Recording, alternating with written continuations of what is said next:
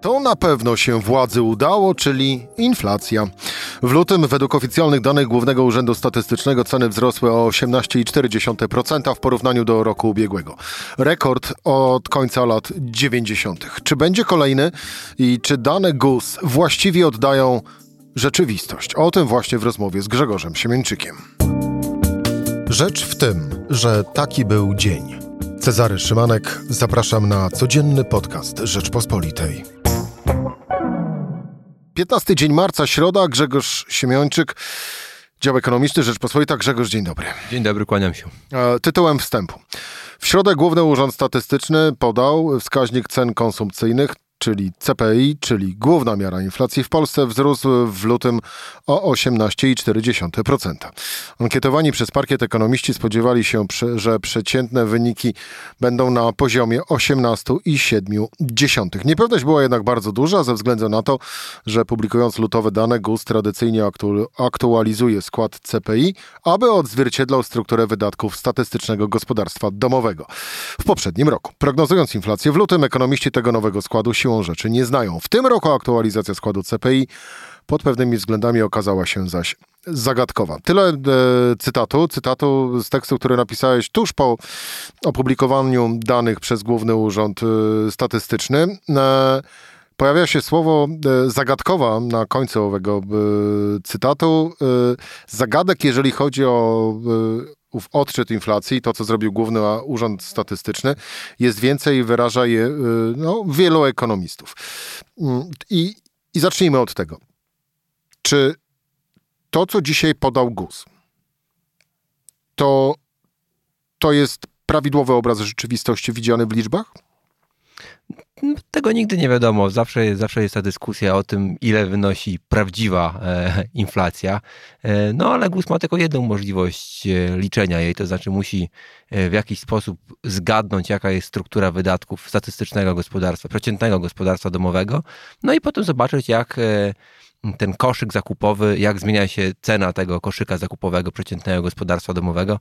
No my wszyscy wiemy, że takiej struktury konsumpcji, jaka jaką pokazuje ten koszyk, to nikt indywidualnie nie ma. To jest po prostu jakaś średnia. No i to jest zawsze źródłem e, pewnych e, kontrowersji. Zawsze się pojawiają takie argumenty, że tam w tym koszyku czegoś brakuje, a czegoś jest za dużo. No i że to w związku z tym jest podatne na jakieś e, manipulacje. No ale moim zdaniem to jest jedyna możliwa i sensowna metoda mierzenia tej inflacji. Nie widzę tutaj żadnych E, nieprawidłowości, ani, ani niczego, e, co by się różniło od, od, od, od procedur stosowanych przez GUS w poprzednich latach. Cukier plus 85%, opał 54% w górę, energia 48, 40%, mleko 38%, jaja 36% i tak dalej, i tak dalej. To y, produkty, y, które najbardziej y, drożały w lutym, licząc rok do roku. Dla przypomnienia inflacja 18,4%. Jak to czytać? Jako coś, co jest już końcem owego szalonego wzrostu cen, czy będzie przed nami kolejny rekord?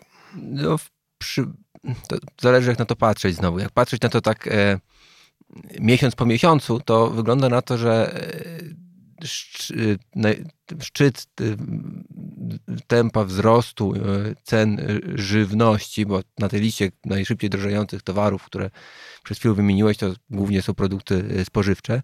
No więc wygląda na to, że ten wzrost cen żywności będzie e, stopniowo opadał. Znaczy na świecie już zaczęła się korekta e, cen surowców e, rolnych.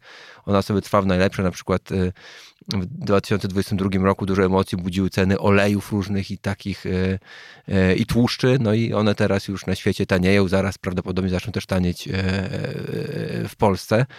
Na razie drożeją warzywa i owoce, co z kolei spowodowane warunka, warunkami atmosferycznymi na południu Europy i wysokimi cenami gazu, które są używane do ogrzewania szklarni. Stąd te spektakularne ceny, na przykład papryki. Bądź pomidorów. Bądź pomidorów, ale to też się zaraz odwróci.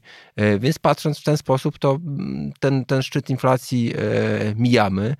No a w tych danych ogólnych w całym koszyku CPI, te 18,4% rok do roku, to też nie, bez wątpienia był szczyt. Bez wątpienia dlatego, że tutaj po prostu efekty statystyczne bardzo dużo działają. Rok temu mieliśmy już szybki wzrost cen, teraz mm, ta baza odniesienia staje się wysoka, poprzez podczas kiedy w poprzednich miesiącach cały czas była niska z kolei. No więc to mm, czysto statystycznie, tak matematycznie tą inflację e, obniży. Natomiast największej, największą zagadką i tym, co właśnie w tych y, dzisiejszych danych budzi dużo kontrowersji, jest to, że chociaż inflacja w tym szczycie okazała się niższa niż myśmy się obawiali, bo tu warto przypomnieć, że przecież jeszcze niedawno mówiliśmy, że to będzie 20%, może nawet Dokładnie więcej, tak. to się okazało 18 z małym haczykiem. E, no to chociaż inflacja się okazała niższa w tym szczycie, to ona prawdopodobnie jest też bardziej uporczywa jednocześnie i będzie opadała trochę wolniej. To Co to znaczy bardziej uporczywa? E, to znaczy, że jak e, popatrzymy sobie na mm, takie ceny, które w jakiś sposób zależą właśnie nie od statystyki, nie od sytuacji na światowych rynkach e, e, surowcowych, e, tylko od kondycji gospodarki naszej, od kondycji rynku pracy, od kondycji budżetów gospodarstw domowych, to te ceny wcale nie przestają rosnąć. rosnąć. Przeciwnie, one rosną tak samo szybko jak przez cały ubiegły rok. No i to wskazuje na to, że te takie fundamentalne mm, siły cenotwórcze, ta fundamentalna presja cenowa pozostaje e, równie silna, co była w ostatnich miesiącach i zaskakująco silna na tle oczekiwań, no bo jednak wszyscy oczekiwali, że jednak większość ekonomistów oczekiwała, że mm, e, to zacieśnienie polityki e, pieniężnej, spadek realnych wynagrodzeń gospodarstw domowych, że on będzie tą inflację bazową też, tą inflację taką fundamentalną też tłumił. No tego nie widać. Ale nie widać dlaczego. I teraz, jak rozumiem, musimy przejść na stronę zachowań konsumentów. Yy, dlatego, że yy, Polacy yy, mają jednak trochę więcej pieniędzy do wydania, bo na przykład y, różnorakie transfery so socjalne od rządu, czy też y, Polacy zaczęli na przykład y, mm, oszczędzać oszczędzać na jednych rzeczach, po to, by móc wydawać na drugie, i tam z kolei łatwiej akceptują e, ową mm, presję cenową producentów jeden i drugi mechanizm działa. Znaczy, na pewno jest tak, że e, te, te, wydatki konsumpcyjne z powodu rosnących cen, one zmalały. To było widać już w czwartym kwartale, że one zmalały o 1,5% rok do roku, e, a przecież stało, i stało się tak mimo tego, że tych konsumentów było więcej, no bo przecież mieliśmy ten milion uchodźców albo nawet więcej e, w kraju. E, więc jest tak, że te rosnące ceny powodują jakąś niechęć do zakupów, odstraszają trochę od tych zakupów, ale jednocześnie to, to nie jest taki tak silnie zniechęcający E, czynnik właśnie z tego powodu, o którym wspomniałeś, o, o tym, że te dochody, chociaż realne wynagrodzenia e, maleją, to y, realne dochody gospodarstw domowych y, wcale nie maleją. Po pierwsze za sprawą transferów, po drugie za sprawą obniżki podatków w ramach Polskiego Ładu 2.0, y, a po trzecie z powodu wzrostu zatrudnienia cały czas. To znaczy być może realne wynagrodzenia rosną, maleją, ale jednocześnie rośnie liczba osób, które te wynagrodzenia w ogóle dostają. I to wszystko się składa na to, że realne dochody do dyspozycji gospodarstw domowych wcale nie zmalały, a przecież jeszcze były cały czas spore oszczędności z okresu pandemii, kiedy te, te, ta konsumpcja była ograniczona, e, różnymi e, restrykcjami. I to jest, to jest, to jest, to jest e, jeden powód. A drugi, a drugi powód jest taki, że rzeczywiście, rzeczywiście te rzeczy, które najbardziej drożeją, to są takie rzeczy, które, których spożycie trudno ograniczyć. Więc w tym, w tym, w tym wypadku konsumenci mają sporą Y, swobodę, znaczy producenci mają sporą, sporą, sporą swobodę przerzucania tych cen ciągle na, na konsumentów. Ale biorąc pod uwagę wszystkie te w takim razie czynniki, no to można dojść y, do wniosku, że ta uporczywa inflacja, bądź też inaczej jak zwykł mawiać Adam Glapiński, prezes NBP, ten płaskowyż, na który się wznieśliśmy, płaskowyż inflacyjny, mm, no to on będzie sobie trwał w najlepsze. Mało tego, i to jest jeszcze bardziej niepokojąca informacja, może sobie trwać w najlepsze na takich właśnie wysokich poziomach. No, znaczy on, na pewno minęliśmy krawędź tego płasko, płaskowyżu, zejdziemy powiedzmy na jakąś, na, na, na, może na niżej położony płaskowyż, to już nie będzie inflacja na poziomie 18% rocznie, ona będzie na poziomie no pewnie za kilka miesięcy będzie w okolicy 10%, ale na tym poziomie 10% z kolei ona już może się utrzymywać całkiem długo. I właściwie nikt nie wie, jak długo. To znaczy, y, Narodowy Bank Polski, analitycy z Narodowego Banku Polskiego zakładali, że pod koniec roku inflacja będzie w okolicy 7,5%, a potem nadal będzie opadała powoli. I to w świetle tych dzisiejszych danych jest dosyć wątpliwe. To znaczy, bardzo prawdopodobne jest, że na koniec roku inflacja ciągle będzie w okolicy 10% i że nie będzie wiele niższa e, też w przyszłym roku. No bo w tym przyszłym roku będzie trzeba między innymi wygasić e, pozostałe jeszcze elementy tarczy antyinflacyjnej, na przykład przywrócić VAT na żywność do 5% z 0%. A jeszcze na to się nakłada e, kampania wyborcza i pewne dodatkowe wydatki z tym związane, które będą łagodziły e, ten, ten spadek konsumpcji, czy też osłabienie konsumpcji. E, teraz bardzo, ciekawą, bardzo ciekawy serial trwa w, w, w sprawie tego programu Pierwsze Mieszkanie i kredytu na 2%, mm, no bo wygląda na to, że rząd jest bardzo zdeterminowany, żeby ten program wprowadzić, a jednocześnie Narodowy Bank Polski przestrzega, że to właśnie jest coś, co będzie oddziaływało w przeciwną stronę niż podwyżki stóp procentowych, czyli że będzie w jakiś sposób e, e, częściowo osłabiało skutki podwyżek stóp procentowych. No i dodaj sobie do tego jeszcze też e, gdzieś będące w planach przedłużenie wakacji kredytowych, więc tak naprawdę może się okazać, że jedno i drugie rozwiązanie wprowadzone przez rząd może jeszcze bardziej osłabić poziom stóp procentowych, ten realny i rzeczywisty, który mamy obecnie, a jak dodamy sobie do tego jeszcze, e, co jest prawdopodobne, e, że po kłopotach e, za oceanem, tu w kontekście banku Silicon Valley Bank, może się okazać, że do głosu bardziej do, dojdą gołębie w Radzie Polityki Pieniężnej i już tak naprawdę te stopy procentowe no, nie będą w ogóle podwyższane, a może się dosyć szybko pojawić presja na obniżkę. Z tym, z tym Silicon Valley Bank jest, to jest ciekawa, ciekawa sprawa w kontekście naszej polityki pieniężnej. Pozornie wydaje się bardzo odległa, no bo co ma upadek jakiegoś niewielkiego amerykańskiego banku do polityki pieniężnej w Polsce. Ale sytuacja jest taka, że Rada Polityki Pieniężnej od września, kiedy e, zatrzymała ten cykl podwyżek stóp procentowych, e, to argumentowała e, tak, że poprzednie podwyżki od października 2021 roku do września ubiegłego roku oraz to, że główne banki centralne centralne, czyli amerykański Fed i Europejski Bank Centralny ciągle te stopy procentowe podnoszą, e, tłumiąc presję e, inflacyjną na świecie, to też e, będzie pomagało nam i my w pewien sposób pojedziemy na gapę. To znaczy dzięki zacieśnianiu polityki pieniężnej w największych gospodarkach, to u nas te efekty też będą czuwalne, inflacja będzie sobie wracała do celu.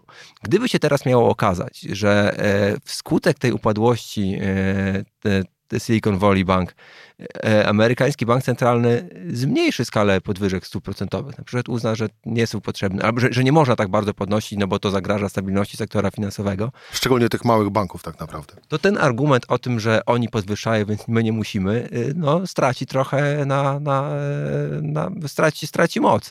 I wtedy może się okazać, że paradoksalnie Rada Polityki Pieniężnej musi wrócić do podwyżek stóp procentowych, skoro już nie może podróżować y, na gapę.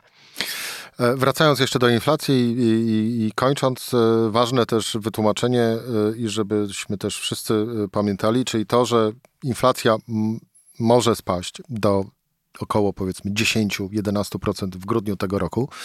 To wcale nie oznacza, że o tyle spadną ceny, bo to tylko i wyłącznie oznacza, że ceny na koniec 2023 roku będą większe od tych w, które były w 2021 o te właśnie Kil, kilkanaście, czyli na przykład 17%, które urosły przez 2022 i jeszcze dodatkowo te 10%, które urosły przez 2023. No, tu bardzo wymowny jest e, miesięczne zmiany cen. Cel inflacyjny Narodowego Banku Polskiego to jest e, inflacja na poziomie 2,5% rok do roku. Tymczasem w samym styczniu i lutym ceny urosły o prawie 4% w dwa miesiące.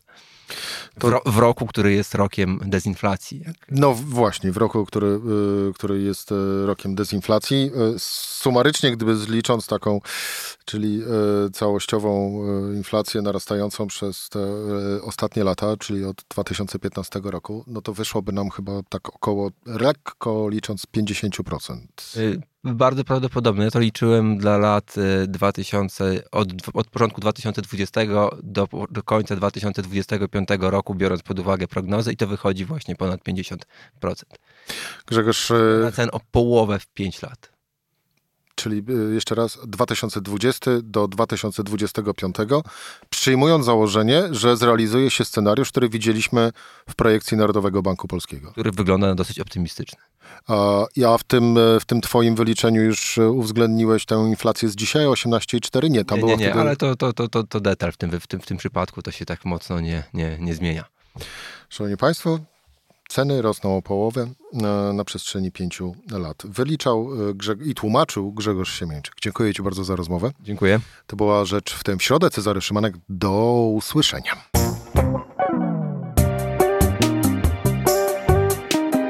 Rzecz w tym to codzienny program Rzeczpospolitej. Od poniedziałku do czwartku o godzinie 17. Słuchaj na stronie podcasty.rp.pl. Włącz Rzecz w tym w serwisie streamingowym.